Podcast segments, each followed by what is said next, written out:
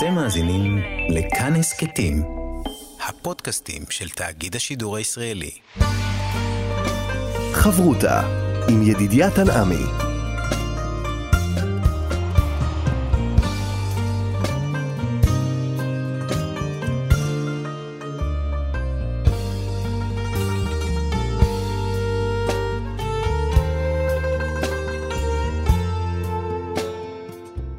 שלום כאן, מורשת חברותא לעיבוד משותף עם רבנים ואנשי חינוך בנושא תנ"ך, הלכה ואמונה. היום אנחנו לומדים אמונה יחד עם הרב מתניה ידיד, ראש מרכז סיפא לחינוך וזהות. וכאן ליד המיקרופון, ידידיה תנעמי, שלום לך הרב מתניה. שלום.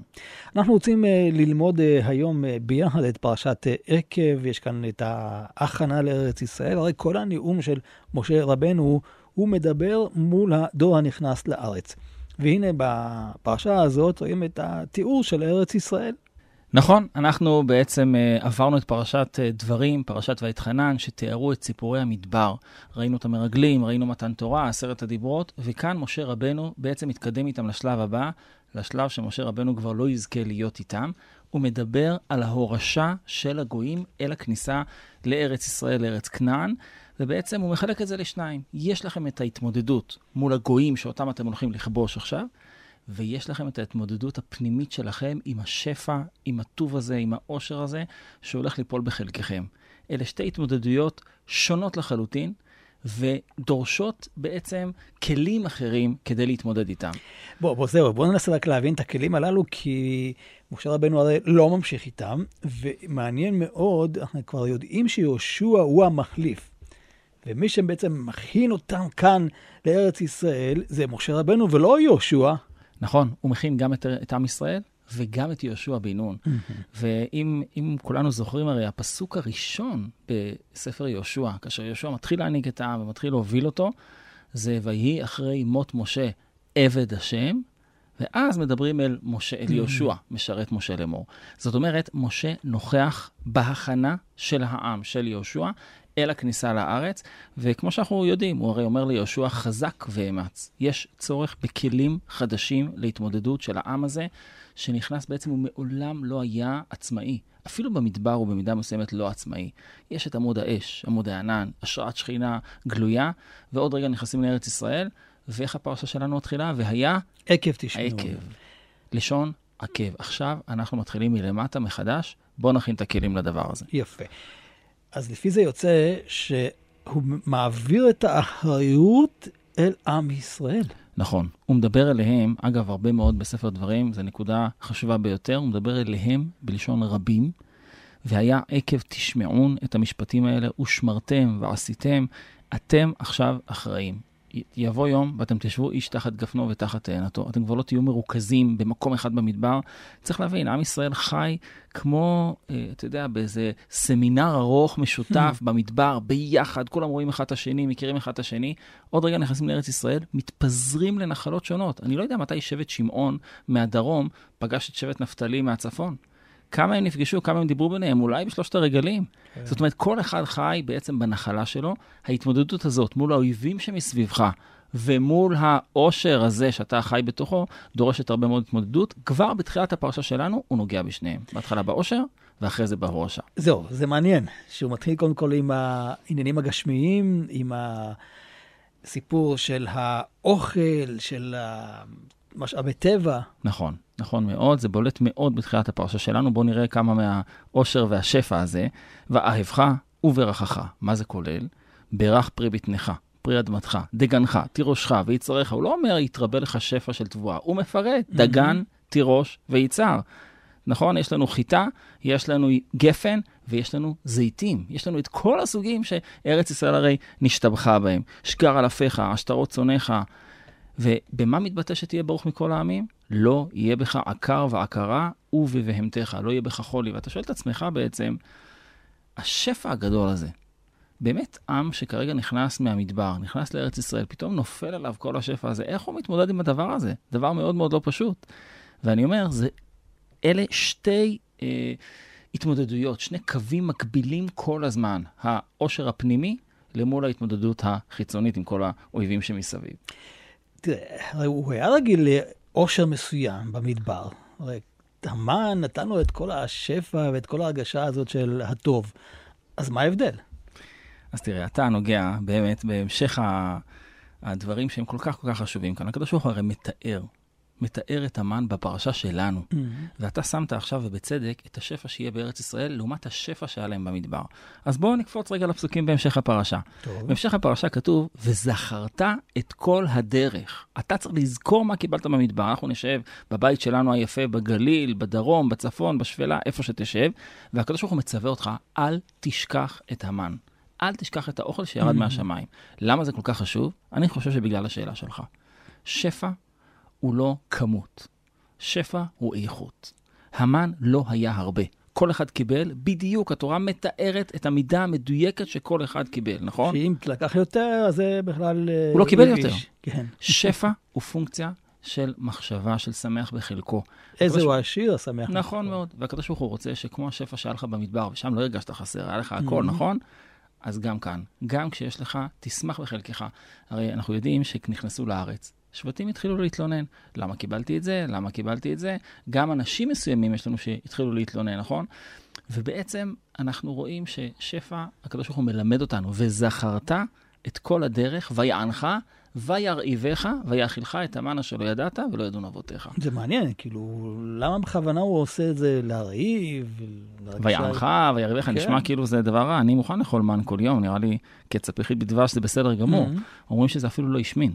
המדרש מתייחס לזה שהמן היה נבלע בעצמותיהם והיה מבריא אותם. זאת אומרת, זה היה מאוד בריא, מאוד טעים, איזה טעם שרצית. מה זה ויענך וירעיבך? אז תראה, התשובה היפה ביותר שאני מכיר על הדבר הזה. אני מניח שיש הרבה מאוד תשובות וכולן יפות, אבל יש תשובה אחת שאני חושב עושה לנו סדר. אם אדם הולך לישון בלילה, כאשר אין לו שום דבר במקרר, וכל מה שהבן שלו שואל אותו, מה נאכל מחר משמיים בעזרת השם, זה הניסיון הגדול ביותר. הוא שבע. זה כל לילה. זה כל לילה, ואסור להשאיר. תן לי להשאיר משהו קטן בשביל ההרגשה הטובה. לא, זה משמיים. עכשיו אתה מבין את הפער, ידידיה, בין לחיות ב- במדבר, כשכל יום יורד לך מן מהשמיים, לבין המוציא לחם מן הארץ. ואז לברך על הקדוש ברוך הוא, את הקדוש ברוך הוא שהוציא אותנו ממצרים, נתן לנו את המן ונתן לנו גם את האוכל כאן ב- בארץ ישראל. יש לנו גם את העניין של ויה עם שמוע, שזה על אותו עיקרון, שוב החזרה למה שהיה במדבר, הכל תלוי בדבר השם, אם זה מן או גשם. נכון, אז פרשת השבוע שלנו, יש את מה שאנחנו אומרים בקריאת שמע בעצם, בכל יום, כמה פעמים. והיה, אם שמוע, תשמעו את הדברים האלה, ושמרתם, וזה התחלת הפרשה. כן. בהמשך שלנו יש, והיה אם שמוע, תשמעו, מצוותיי אשר אנוכי מצווה אתכם, לאהבה את השם, לעובדו וכולי. העניין הזה, אה, שאנחנו אומרים אותו מדי יום, הוא נותן לנו את ה...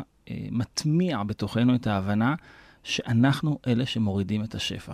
אני יודע שזה אולי נשמע קשה, כי הקדוש ברוך הוא מתפללים אליו שיוריד את השפע, אבל המערכת שאנחנו חיים כאן היא מערכת כזאת, שהקדוש ברוך הוא נתן לנו את היכולת להחליט אם השמיים יעצרו או ירד גשם. במה זה תלוי? אם שמוע תשמעו אל מצוותיי אשר אנוכי מצווה אתכם היום. זאת אומרת, אדם שלא יבין שבעצם כשאין לו שפע, כשהוא חסום, כשמשהו לא, לא נפתח לו בחיים, אז הוא לא צריך להאשים את עצמו, אבל הוא צריך לעבוד כדי לפתוח את, ה, את הנעילה הזאת. מי שיכול לפתוח אותה זה רק הוא. זה המשמעות של קריאת שמע שאומרים בכל יום. מתחילים בשמע ישראל, השם אלוהינו, Mhm. השם אחד, הוא הכל, ואז פתאום מעבירים את האחריות אלינו, מתוך הבנה שהקדוש ברוך הוא נתן לנו את המפתחות ואת הכוח להוריד את השפע הזה. גם העיקרון של ברכת המזון לאחר האוכל, לאחר האכילה, שאתה נהנה ממה שהקדוש ברוך הוא, זה שוב סגירת המעגל, לא רק לפני שאתה אוכל, אלא גם אחרי שאתה אוכל. אז אתה כמובן לא שואל את זה סתם, כי ברכת המזון מופיעה בפרשת השבוע נכון. שלנו. ואכלת, ושבעת, וברכת, ובהחלט, הקדוש ברוך הוא, אנחנו יודעים שאנחנו מברכים גם לפני הברכה, לפני האכילה, וגם Mhm. לאחר האכילה. יש ברכה לפני, יש ברכה אחרי. אבל הברכה דאורייתא מהתורה זה ואכלת ושבעת וברכת. ואתה בעצם שואל, מה העניין של הברכה אחרי? כשאני מקבל מתנה, אני לא פותח אותה, משתמש בה, ואז- מיישן אותה, ואז אומר תודה. אני אומר תודה מיד. למה התורה בעצם שמה את ברכת המזון כחובה בסוף העניין? אז אני ראיתי פירוש כל כך יפה על הדבר הזה. הקדוש ברוך הוא רוצה שתברך אותו מתוך שובע ולא מתוך רעב. וואו. ואכלת ושבעת ואז ברכת. אדם שמברך כאשר הוא מדושן, כאשר הוא אכל והיה לו טעים והיה לו טוב והיה לו בריא, זה ברכה אחרת. כשאדם רעב, אנחנו יודעים יפה מאוד שלאכול לפני התפילה אסור, אבל כמה קשה לנו לפעמים בתפילות ארוכות לא לטעום משהו, לא לקחת משהו, לשתות איזה קפה, זה קשה. הקדוש ברוך הוא רוצה שתברך אותו, את הברכה דאורייתא, מתוך שובע. ולכן, בעצם יש כאן זיכרון גם למצרים. נתתי לכם הכל, נתתי לכם שפע, תמשיכו את הזיכרון הזה גם כשאתם נכנסים לארץ ישראל. זה מעניין שאתה אומר זיכרון למה שהיה, ורואים שגם בפרשה מזכירים את העניין של האבות. כלומר, כל הזמן אנחנו חייבים על איזה זיכרון של העבר. נכון, האבות באופן אה, נדיר בתורה כולה מוזכרים בפרשת השבוע שלנו הרבה מאוד פעמים. ממש מה, אה, מתחילת הפרשה, אמצע הפרשה, סוף הפרשה, האבות הם מוטיב חוזר באזכור של הפרשה שלנו. הסכנה הגדולה ביותר שנכנסים לארץ ישראל היא משהו חדש נקימה, ומשהו חדש נקימה, כן, ומשהו ישן נחריבה. זאת אומרת, לשכוח את כל המסורת שלנו, לשכוח את כל העבר שלנו ולבנות משהו חדש. אגב, זה מאוד מובן, אדם נכנס לארץ חדשה, הוא רוצה לבנות חברה חדשה, זה לא משהו שאנחנו לא מבינים אותו. והקדוש ברוך הוא מזכיר לנו פעם אחר פעם אחר פעם בפרשת השבוע שלנו. הסכנה הגדולה ביותר שלכם היא הגאווה שלכם.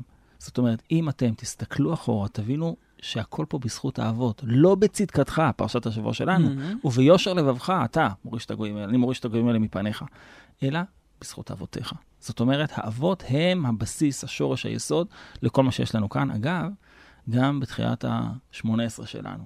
אנחנו אומרים אלוהינו, אבל מיד, מיד, מיד, אלוהי אבותינו, ומפרטים, לא מסתפקים בזה. אני יודע מי זה אבותינו, נכון? ובכל זאת, אלוהי אברהם, אלוהי יצחק, אלוהי יעקב. הדגש הזה שאני בא להתפלל כאן, גם בזכות אבותיי, הוא דגש שהפרשה שלנו, פעם אחר פעם אחר פעם, מדגישה. כי יש כאן נקודה מאוד משמעותית, הסגירת מעגל, היינו בארץ ישראל בתקופת האבות, ירדנו למצרים, עכשיו חוזרים שוב כדי לחזור למה שהיה קודם. חוזרים אל האבות, חוזרים mm-hmm. אל האבות, אנחנו עולים לארץ ישראל. אנחנו בעצם חוזרים למקום אבותינו. יצחק לא יצא משם אף פעם, אברהם ויעקב גרו שם את רוב שנותיהם וחייהם. יש פה בעצם חזרה אל האבות, ואני רוצה שוב ושוב להדגיש, הפרשה שלנו מלאה בשפע ואושר והכול, אבל היא מלאה גם במסורת ושורש האבות שלנו. זה השורשים שאליהם אנחנו רוצים לחזור. חברותה עם ידידיה תנעמי. חברותה באמונה כאן אה, במורשת יחד עם הרב מתניה ידיד, מבט לפרשת אה, עקב, וראינו את ההתחלה שהכל תלוי בשמיעה, וגם אנחנו פוגשים את ה...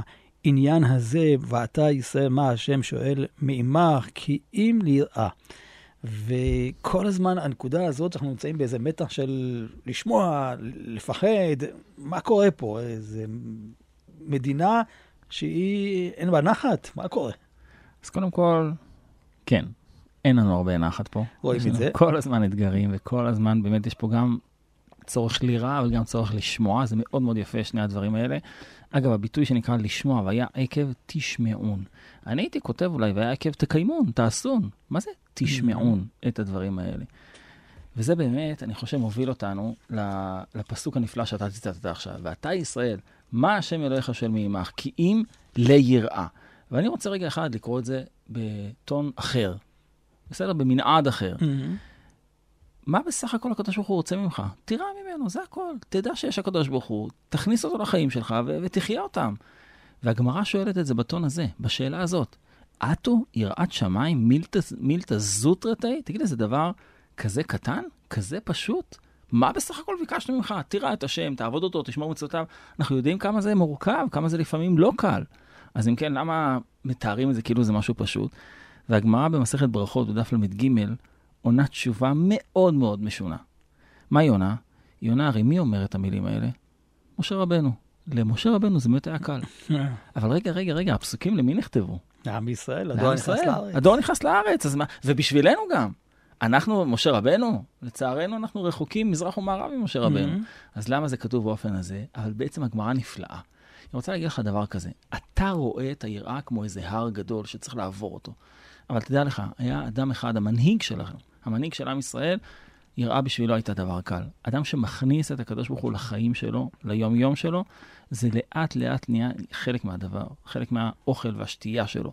יראת השם הופכת להיות שיוויתי השם לנגדי תמיד. ולכן, הגמרא מיד אחרי זה אומרת, אין לו לקדוש ברוך הוא בבית גנזיו, אלא אוצר של יראת שמיים. אתה יודע מה הוא באמת רוצה? הוא רוצה ש, ש, שתראה אותו, שתהיה איתו.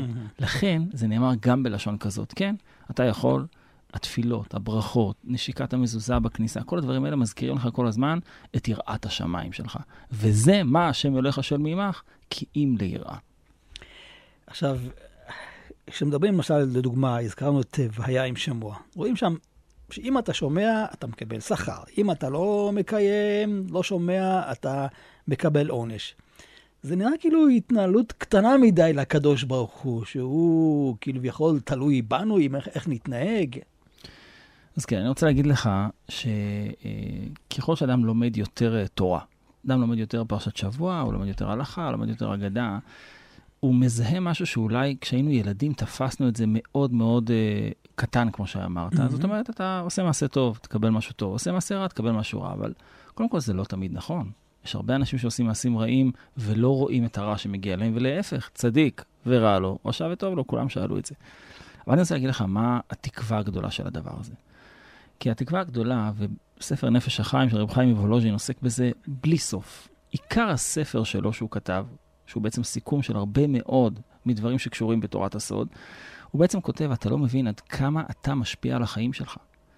עד כמה אתה בעצם, כמו שאמרנו, מוריד את השפע לעצמך. הקדוש ברוך הוא רוצה להגיד לנו, אני יודע שאתם מצפים ממני לשפע של רוח ולחיבור ולקשר ולהשארת שכינה והכול, אבל אני אומר לכם, במובן הכי עמוק של המילה הזאת, אם אין קמח, אין תורה. אני רוצה שתחיו בטוב. איך תחיו בטוב? זה תלוי בכם. כלומר, אתם בעצם מושכים בחוטים, אם אני מוש... אקח אני את הדוגמה. בראתי עולם כזה, שאתה זה שמנהל אותו. עכשיו, כולם, כולם אומרים, אני מעדיף לא לנהל אותו, אני מעדיף שהקדוש ברוך הוא ינהל אותו. עזוב, אני, אני מוותר על התפקיד, תיקח אותו אתה. אבל הקדוש ברוך הוא לא רוצה. לכן המושג שנקרא בחירה חופשית הוא כל כך מרכזי ביהדות. כי אם אדם לא מבין, אדם בטוח שאתה יודע שהכל תלוי רק בידי שמיים, זה, זה נכון ולא נכון. בידי שמיים, אבל משמיים הורידו את זה בחזרה אלינו. אגב, אה, נכון, אנחנו תמיד רגילים לומר את המשפט היפה, ואין לנו על מי להישען, אלא לאבינו שבשמיים. זה מופיע במקום מאוד קשה בגמרא, במשנה. מופיע בכל התיאורים הקשים של הגאולה העתידה לפני הגאולה. זאת אומרת, התיאורים של רעב וקושי ובית הוועד, דברים קשים ביותר, ואז כתוב בסוף, ואין לנו על מי להישען. אז אמרתי לך פעם, ידידיה, שהרב אלישע ושליצקי, זכר צדיק לברכה, היה אומר לנו שזה לא ברכה, זה חלק מהבעיות של אותו דור. אתה רואה את כל הבעיות האלה, ומה אתה אומר? טוב, הקדוש ברוך הוא יסדר, לא הקדוש ברוך הוא, אתה תסדר את העניינים. ולכן נדמה לי שכשהתורה כותבת לנו, אתה רוצה גשם, נכון? אתה רוצה אוכל, אתה רוצה פרנסה, דע לך, אין הדבר תלוי אלא בך. למה ההבטחות הללו הן הבטחות גשמיות? אם אנחנו מדברים על הקמה של מרכז רוחני בארץ ישראל, ההבטחות צריכות רוחניות. נכון, זו שאלה ששואלים אותה, אה, גם המהר"ל מתייחס אליה, בעל חובות הלבבות מתייחס אליה. זו שאלה באמת אה, לא פשוטה. אני רוצה להגיד לך אבל שהתורה באופן כללי, וזה כלל בתורה לגמרי, למשל, מה עוד לא מופיע בתורה? עולם הבא. Mm-hmm. שאלה שכולם שואלים אותה, למה העולם הבא לא מופיע בתורה? התורה מתייחסת לכל הדורות כולם, לכל דור במצבו. כל דור צריך את השפע הקיומי שלו. והקדוש ברוך הוא, כשהוא רוצה לדבר על שפע רוחני, הוא מדבר עליו, למשל, תחילת הפרשה שלנו. איך מתחיל השפע הזה? באיזה תיאור? ואהבך. בהתחלה, קודם כל, את ה... זה מתחיל מאהבת השם. אהבת השם לא מגיעה על רקע של כלום. זה מתחיל מאהבה ומשם עובר לשפע. אגב, זה נכון גם בין חברים. כשאתה אוהב מישהו, אתה נותן לו מתנה גדולה יותר. Mm-hmm. כשאתה פחות, אז אתה פחות מתרגש מהשמחה כן. והאירוע שלו. הקדוש ברוך הוא רוצה להדגיש שהשפע נפתח. ויש מי שאגב בחסידות מפרשים את כל השפע הזה, כמו שאתה מתאר לעצמך, מה זה פרי בטנך? כשאדם כותב ספר, הוא לא מרגיש שהוא אה, יולד ילד. כשאדם מגדל משהו, אדם מגדל, אה, אתה יודע מה, איך אנחנו קוראים לילדים הקטנים? צאן קדושים.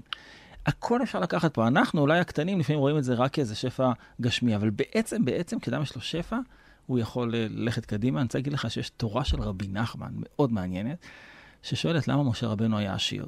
למה רבי יהודה הנשיא היה עשיר? למה גדולי עולם היו עשירים? והם כותבים שהשפע הגשמי מביא לשפע רוחני.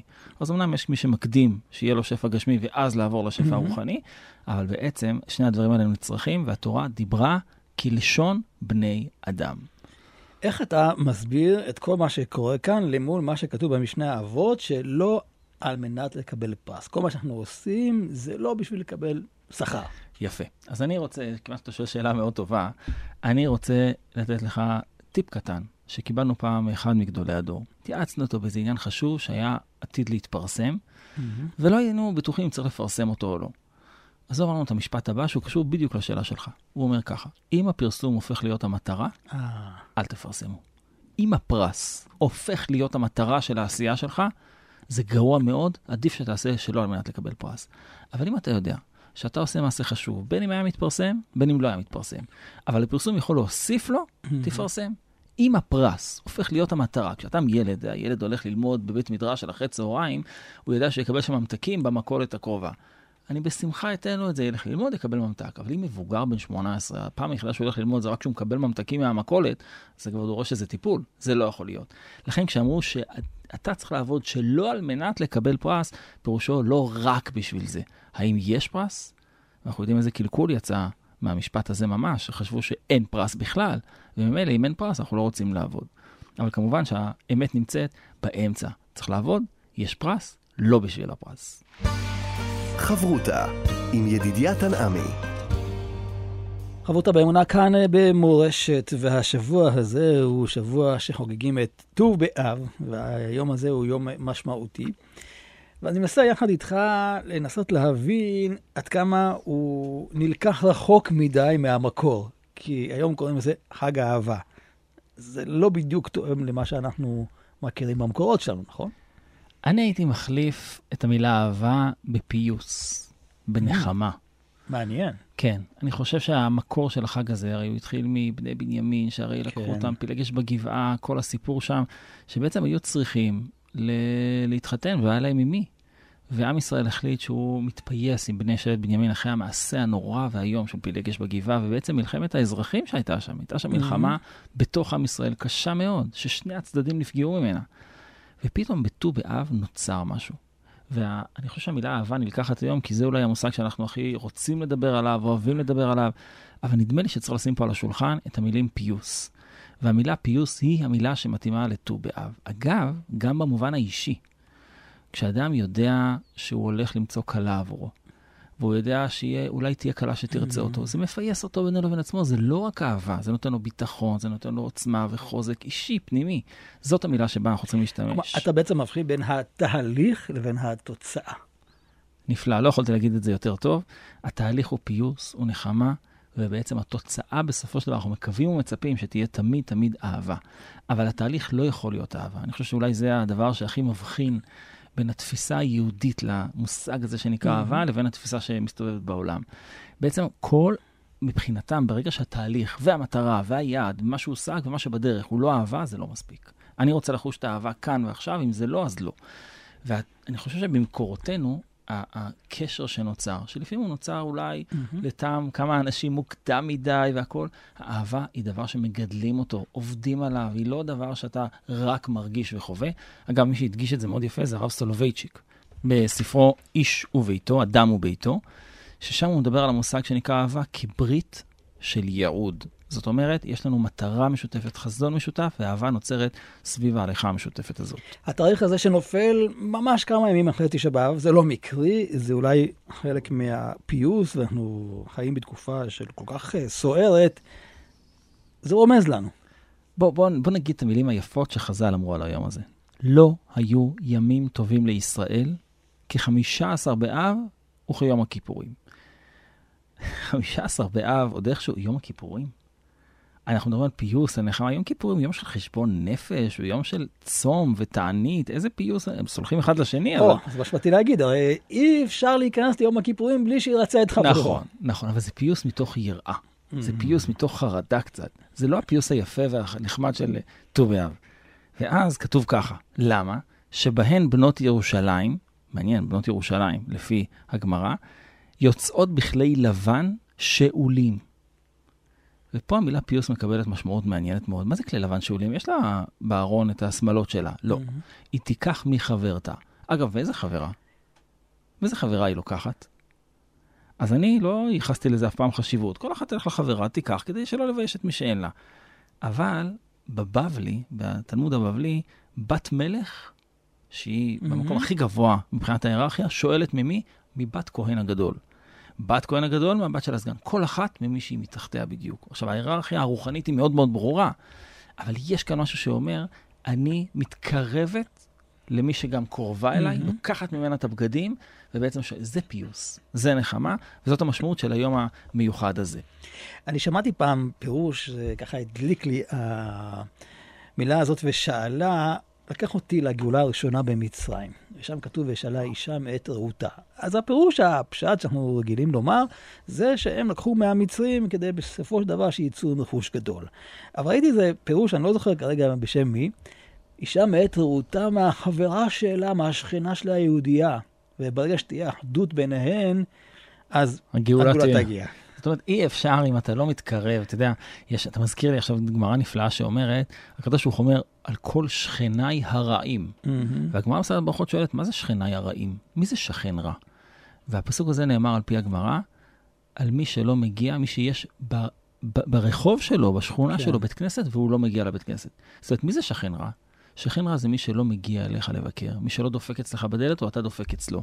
לא יכול להיות שאישה לא תשאל, כמו שאתה אמרת כל כך יפה, גם מגאולת מצרים וגם בגאולה עתידה, אנחנו צריכים לשאול אחד מהשני. כשאתה שואל, אתה גם חושף איזה חוסר שלך, ואתה גם יודע שאתה יכול להתמלא על ידי השכן שלך. בואו ננסה להבין את המושג שאתה, דיברנו עליו, התוצאה, אהבה. הרי גם הביטוי הזה מופיע כלפי הקדוש ברוך הוא, לאהבה את השם. נכון? אז, אז זו אותה אהבה שמדובר כאן, או אהבה גשמית? כן, כשיצחק מתנחם אחרי מות אמו, והוא אוהב את רבקה. כשיעקב אוהב את רחל, ואחרי זה כתוב, לאהבה את השם אלוהיך, התורה יודעת שאנחנו מיד, זה יקפוץ לנו. אנחנו מכירים את המילה אהבה, ואנחנו יודעים שהיא נאמרה גם בין בני זוג, והיא נאמרת גם כלפי השם. התורה לא רוצה שתברח לאיזה אהבה רוחנית, ארטילאית, לא קשורה. אני רוצה שאתה תחוש את האהבה מה עשית? בכל לבבך, בכל נפשך ובכל מאודיך. אדם שיש בו אהבה, וזה משפט אה, יפה מאוד שהרב קוק כותב עליו ברמז, במידות הראייה, אה, שהוא כותב שם שבעצם האהבה לכל היצורים מוטבעת בנו. יש מי שמרגיש אותה יותר, ויש מי שמרגיש אותה וואו, פחות. איזה זאת יופי. אומרת, כן. כן. צריך רק לגלות כל הזמן את האהבה יפה, הזאת. יפה. יש בנו אהבה. אדם, רוב האנשים בעולם, יש בהם את המושג הזה שנקרא אהבה. ולכן, כמו שאמרתי לך מקודם, זה לא רק איזושהי תוצאה שאתה מצפה לה, זה התהליך. אני רוצה לגלות בתוכי את אהבת כל היצור. אתה יודע, הסיפור המפורסם על הרב קוק, שאם אני זוכר נכון, אני מקווה שאני לא טועה, הוא הולך עם רב אריה לוין ביפו, ו... אה, בפרח. תולשים שם, רב אריה לוין, אתה יודע מה, תולה שם איזה עלה בשביל לשחק איתו בדרך, וכתוב שהרב קוק מזדעזע שם. מי שיש בו אהבה לכל היצורים, הוא, רוצה לראות בקיום של כל דבר, הוא רואה עלה נובל, זה, זה צובט לו בבטן קצת, אתה יודע, ילדים שמראים להם סרטי טבע, ואז רואים איזה אריה קופץ על איזה תאו ו- ומשתלט עליו והכל, קשה לראות את זה. אנחנו, אנחנו, הטבעיות. הטבע, הטבעיות שלנו רוצה לראות איזה הרמוניה, איזה יופי, איזה אהבה, והדבר הזה הוא קשה לפעמים לצפייה ולא סתם. כי בעצם האהבה שלנו אמורה לכלול את כל היצורים. חלק מהדבר הזה, אגב, זה אה, מה שאנחנו מדברים עכשיו על ט"ו באב. כי לכאורה זה בדיוק ההפך מאהבה. למה? כי הם היו יוצאות לח, לחולל בכרמים כן, זה בשילה. גם לא מובן. מה זה איפה קורה הצניעות שם? פה? כן, א', צניעות. אבל נניח מילא, אדם שמותר לו הרי לראות באישה שהוא הולך לשאת אותה Mhm. וכולי, אז הוא הולך לראות אותה רוקדת, ו- והיא מוצאת חן בעיניו והוא לוקח אותה. אבל זה התהליך? זה התהליך שהיינו רוצים, שככה יתחתנו והכל הרי זה נראה, אבל זה בדיוק הפוך. מה אנחנו בעצם, מה המסר שנאמר כאן? היא מחוללת בכרמים. היא רוקדת, היא שמחה, היא מאושרת ושמחה אה. בחלקה. האם אתה רוצה להצטרף איתה לשמחה הזאת? וואו. האם אתה מזהה את השמחה שיש בה? אם היא לא מוצאת חן בעיניך, כנראה שהשמחה שלה ושלך הן לא תואמות אחת. היא, היא נפלאה ואתה נפלא, אבל זה לא מתאים.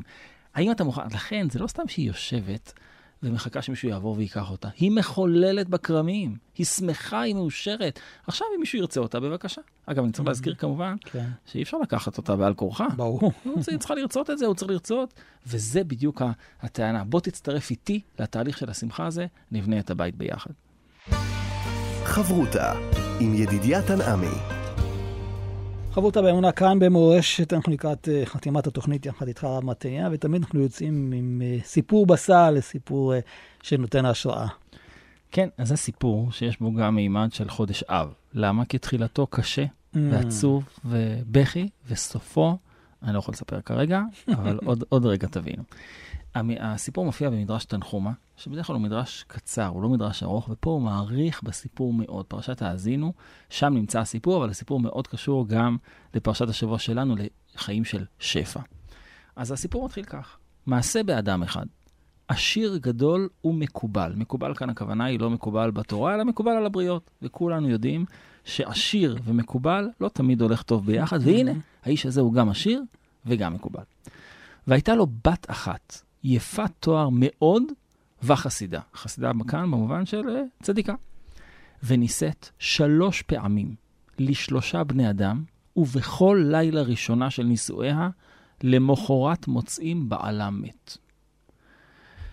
כבר אמרנו לך, האישה היא צדיקה, והיא יפה. האבא עשיר ומקובל. הכל נפלא שם, הכל יפה, הכל מצוין, ויש איזו גזירת גורל נוראית. היא מתחתנת שלוש פעמים, וכל פעם היא קמה בבוקר, בעלה לידה מת. היא כבר לא יכולה יותר, אמרה, לא ימותו עוד בני אדם עליי, לא ימותו בגללי, אשב אלמנה ועגונה עד אשר יראה המקום וירחם, ישבה ימים רבים. תראה איזה עצב, איזה כאב. היא, היא לא יכולה יותר, היא מחכה. יש לה אחריות. יקרה. יש לה אחריות, מה, היא תהרוג עוד אנשים? היא לא רוצה. כמובן שהיא לא אשמה, אבל כך היא מרגישה. והיה לאותו עשיר, אח עני מאוד במדינה אחרת. עכשיו, בימים שאין תקשורת, אין קשר ביניהם, אבל היה לו אח עני. והיו לו עשרה בנים, שים לב, לאח העשיר יש בת אחת, לאח העני יש עשרה בנים. ובכל יום ויום, הוא ובנו הגדול מביאים חבילי עצים מן היער ומוכרים אותם. ומזה היו מתפרנסים הוא ואשתו ובנה. עבודה קשה מאוד. כל יום לחטוב עצים ביער ולחזור. ממשיך המדרש. פעם אחת לא מכרו, ולא היה להם מעות לקנות לחם, ולא אכלו אותו היום. תראה איזה עוני עלוב, כל כך קשה. לא מוכרים, אין כסף, אין מה לאכול באותו יום. למחר היה להם. החליטו מחר לחזור ליער, לכרות עצים ולהמשיך הלאה, אין מה לעשות. כן, הלכו ביער ונתעטף רוח האב. נתעטף רוח האב פירושו נהיה עצוב, נהיה מיואש. זלגו עיני הבן דמעות על עוניים, ותלה עיניו למרום. הבן רואה את המצב של האבא, הבן הגדול, אומר, אבא, בוא, בוא נעצור שנייה. מסתכל לשמיים ומתפלל, ומבקש מהאבא דבר כזה. הרהר הבן בליבו, נטל רשות מאביו ומאמו, והלך למדינת דודו. למי הוא הולך? לדוד העשיר. יש לנו דוד עשיר, בוא נבקש ממנו עזרה קצת. האבא מסכים. כשבא לביתו, שמח שמחה גדולה דודו עליו, וגם אשתו וביתו שאלו לו על אביו, על אמו, על הבנים. ישב עמו שבעה ימים, הבחור הזה מנומס, הוא לא מבקש מיד כסף, mm-hmm. יושב איתם שבעה ימים, ואז הוא ניגש לדוד שלו. לסוף שבעת ימים, בא הבחור לדודו, אמר לו, שאלה אחת אני שואל ממך, אל תשיבני. מה זה אל תשיבני? אל תסרב לי, אל תשיבני ריקם מלפניך. מה שאני מבקש תעשה. אמר לו דודו, אמור בני מה שתרצה, בסדר. אמר לו, הישבע לי. תראה, זה קצת חוצפה. הוא מבקש מהדוד שלו, מה שאני מבקש תעשה, ואני לא אומר לך מה זה, ותישבע לי שתעשה את זה. טוב, וכן עשה. אמר, זאת השאלה אשר אני שואל ממך, שתיתן לי בתך לאישה. מה הוא בא לבקש? כסף. כסף, מה הוא מבקש עכשיו? להתחתן עם הבת. עכשיו, הוא יודע את הסיפור? לא. עוד רגע תראה, הוא לא יודע את הסיפור. אבל מה הוא מבקש להתחתן עכשיו? כששמע האיש בכה. אמר לו, אל בני אל, כי בעוונותיי כך מידתה. סיפר לו את הסיפור. שלוש פעמים התחתנה, שלוש פעמים מתו הבעלים שלה. אמר לו, על מנת כך. למרות זאת, מה אכפת לך? אני מוכן. אמר לו, בוא נדבר שנייה את האמת. אם על הסכם ממוני אתה קופץ עליה, אתה רוצה כסף, נכון? אז בוא אני אתן לך כסף. אל תישאנה, ואני אתן לך כסף וזהב הרבה, כי אתה בחור נאה וחכם. ובעצתי אל תסתכן. תקשיב, אני אוהב אותך, אני אוהב אותה, בוא, זה לא הולך. אמר לו, כבר נשבעת על הדבר הזה. וואו. הוא חייב לקיים את ההסכם. ראה העשיר הדבר ונתרצה לו. בא לביתו וסיפר לה את הדברים. עכשיו איך היא מגיבה? כששמעה זאת בכתה וצעקה במר נפשה ותלתה עיניה למרום, ואמרה, ריבון העולמים, תהי ידך בי, ואל ימותו כל אלו עליי. הקדוש ברוך הוא, תהרוג אותי כבר, למה אתה רוצה שגם עכשיו בן דוד שלי ימות? אבל האבא נשבע, חייבים לקיים. מה עשה? קידשה. ועשה משתה, וקרא לזקני העיר, ועשה קילה וישב וחתן בתוכה. ונזדמן לו זקן אחד. עכשיו, אני יודע, אני רוצה לומר לך רק בסוגריים. עוד רגע אליהו הנביא מופיע כאן. אנחנו רגילים כשאליהו הנביא מופיע, הוא הכל. הוא עושה... אני מבקש שתסתכל טוב, תשמעו טוב, האם באמת אליהו הנביא עושה כאן את השינוי, או משהו אחר. נזדמן לו זקן אחד, והוא אליהו ז"ל. הוא קראו בינו לבינו, הוא קורא לחתן הצעיר הזה, ואמר לו, בני, היא עצך עצה נכונה, ואל תת מעצתי. תקשיב לי טוב, תעשה בדיוק מה שאני אומר. כשתשב לסעוד, יבוא אליך עני. לבוש בגדים שחורים וקרועים ויגע, שערו מסמרים. אגב, הבחור הזה יודע מה זה להיות עני. הוא זוכר מה זה להיות עני. אומר לו אליהו הנביא, לא, לא, לא. אני שאין כמוהו בכל העולם. לא ראית אני כזה. כשתראו, תקום ממושבך, הושיבהו אצלך, לא חתן, לא כלה, לא אבא, לא אמא, לא סבא, לא סבתא. אתה מושיב אותו לידך. ומה? ואכילהו והשקהו ושמש לפניו בכל כוחך וכבדהו. אתה חייב לשרת אותו, להביא לו מים ושתייה ואוכל והכול. אל תפל דבר מכל אשר דיברתי לך, ותישאר לשלום, ואני אלך לדרכי. אם תעשה את זה, הכל יהיה בסדר. טוב? הלך לו הזקן, בא החתן למקומו. ישבו על המשתה, התחילה החתונה. כשהתחילו לאכול, בא אותו עני, כנראה אי אפשר היה לפספס אותו. כשראו החתן, עמד ממקומו ועשה לו כל מה שאמר לו הזקן. בדיוק, עכשיו, הוא לא יודע מי זה הזקן הזה, נכון? אבל הוא עשה. לאחר המשתה, אותו העני קרא לחתן, הביאו לחדר ואמר לו, בני, אני שלוחו של מקום, ובאתי הנה לקחת את נפשך. זהו, תודה על האוכל, על השתייה, הם מאוד טעים, עכשיו אתה בא איתי. אמר לו, אדוני, תן לי שנה אחת או חצי שנה. אמר לו, לא, לא אעשה. אמר לו, אם כן, תן לי 30 יום, או שבעת ימי המשתה, תן לי להרגיש חתן קצת, משהו. אמר לו, לא אתן לך אפילו יום אחד, כי כבר הגיע איתך, עכשיו אתה צריך לבוא איתי. נורא. אמר לו, בסדר, בבקשה ממך. המתן לי עד שאלך ואקח רשות מאשתי. הוא לא מבקש להיפרד או להגיד שלום, הוא מבקש מה? לקחת רשות. עכשיו, אם היא לא תרשה לו, הוא יחזור אליו ויגיד לו, תשמע, רציתי Mm. לבוא, אני לא יכול. הוא לא יכול לעשות את זה, אבל הוא מבקש רשות. אמר לו, אתה יודע מה? לדבר הזה אשא פניך, לך בו מהרה. בסדר, אני מחכה פה כמה דקות. הלך לחדר, תראה מה היא עושה בחתונה שלה. והיא יושבת יחידה, ובוכה ומתפללת לקונה, זה מה שהיא עושה בחתונה. פתח החדר, קרא הבחור אליה, הוא בא לפתוח לו. הביאה אצלם בחדר, החזיקה בו, נשקה לו. אמרה לו, אחי, למה באת? ככה המדרש אומר. אמרה לו, אחי, למה, מה זה אחי? קודם כל, הוא כבר בעלה. דבר שני, מה זה למה באת? אני בחתונה שלי, מה זה למה באתי? היא יודעת בדיוק למה הוא בא, והיא גם לא קוראת לו חתן. היא לא יכולה. אמר לה, ליטול רשות ממך. לא להגיד שלום, לא להיפרד, ליטול רשות. את מוכנה שאני אלך או לא? כי בא איתי ללכת בדרך כל הארץ. כי המלאך בא והגיד לי שבא לבקש את נפשי. אמרה לו, לא תלך, אלא תשב הנה, ואני אלך לו ואדברה עמו. אתה לא זז מכאן, אתה יושב כאן, אני הולכת לדבר עם המלאך. תראה איזה אומץ.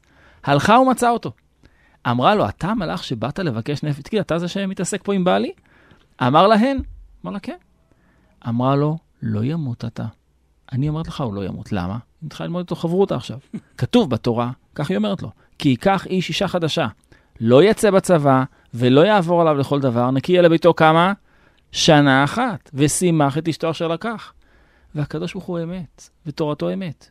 ואם תיקח את נפשו, תעשה התורה פלסתר. אתה הופך את התורה לכתב שקרים, כי אתה לוקח אותו ביום הראשון, והוא צריך שנה לשמח את אשתו. אמרה לו, כל זה היה רק הקדמה למה שהיא אומרת לו עכשיו. אם תקבל דברי מוטב, אני מוכנה לשחרר אותך. אם לאו, תבוא עמי לבית דין הגדול. איפה זה בית דין הגדול? בשמיים. והיא אומרת לו, אני רוצה שתבוא איתי עכשיו לבית דין הגדול בשמיים. מיד, גער הקדוש ברוך הוא במלאך, והלך. ניצחה. ותראה את הסוף של המדרש. בלילה שכבו יחד החתן והכלה, ואבי הכלה ואימה בוכים בחדרם. עכשיו תראה איזה חם וחמות נחמדים יש לחתן הזה, וכשהגיע לחצי הלילה, קמו האיש והאישה להכין קבר לחתנם. מכין לו את הקבר כבר בליל החתונה, למה לא? קודם שיעלה עמוד השחר. כשקמו, שמעו החתן והכלה משחקים ושמחים יחד. נכנסו לחדר לראות הדבר, ראו ושמחו, והודיעו הדבר לקהל והודו להשם. וזהו שהקדוש ברוך הוא נוצר רבותכם בו. תראה, ידידיה, על המדרש הזה אפשר לדבר יומיים שלמים. רק נקודה אחת. מה שינה אצלה את כל ההתנהגות? במקום לבכות, להתפלל, לשבת בחדר, ללכת להתווכח עם המלאך, הוא בא מה לעשות? ליטול רשות. ליטול רשות. את מוכנה להמשיך במציאות הזאת? אם לא, תילחמי עליה. וזה מה שאמרנו כל הזמן, השפע תלוי בעזרת השם בנו. וואו, תודה רבה לך, הרב מתניה ידיד, ראש מרכז ספרה לחינוך וזהות, כאן ידידיה תנעמי. אנחנו נשוב וניפגש בחברותה הבאה. תודה. ניתן להזין לתוכנית הזאת באתר כאן מורשת ובשאר יישומי ההסכתים. אתם מאזינים לכאן הסכתים, הפודקאסטים של תאגיד השידור הישראלי.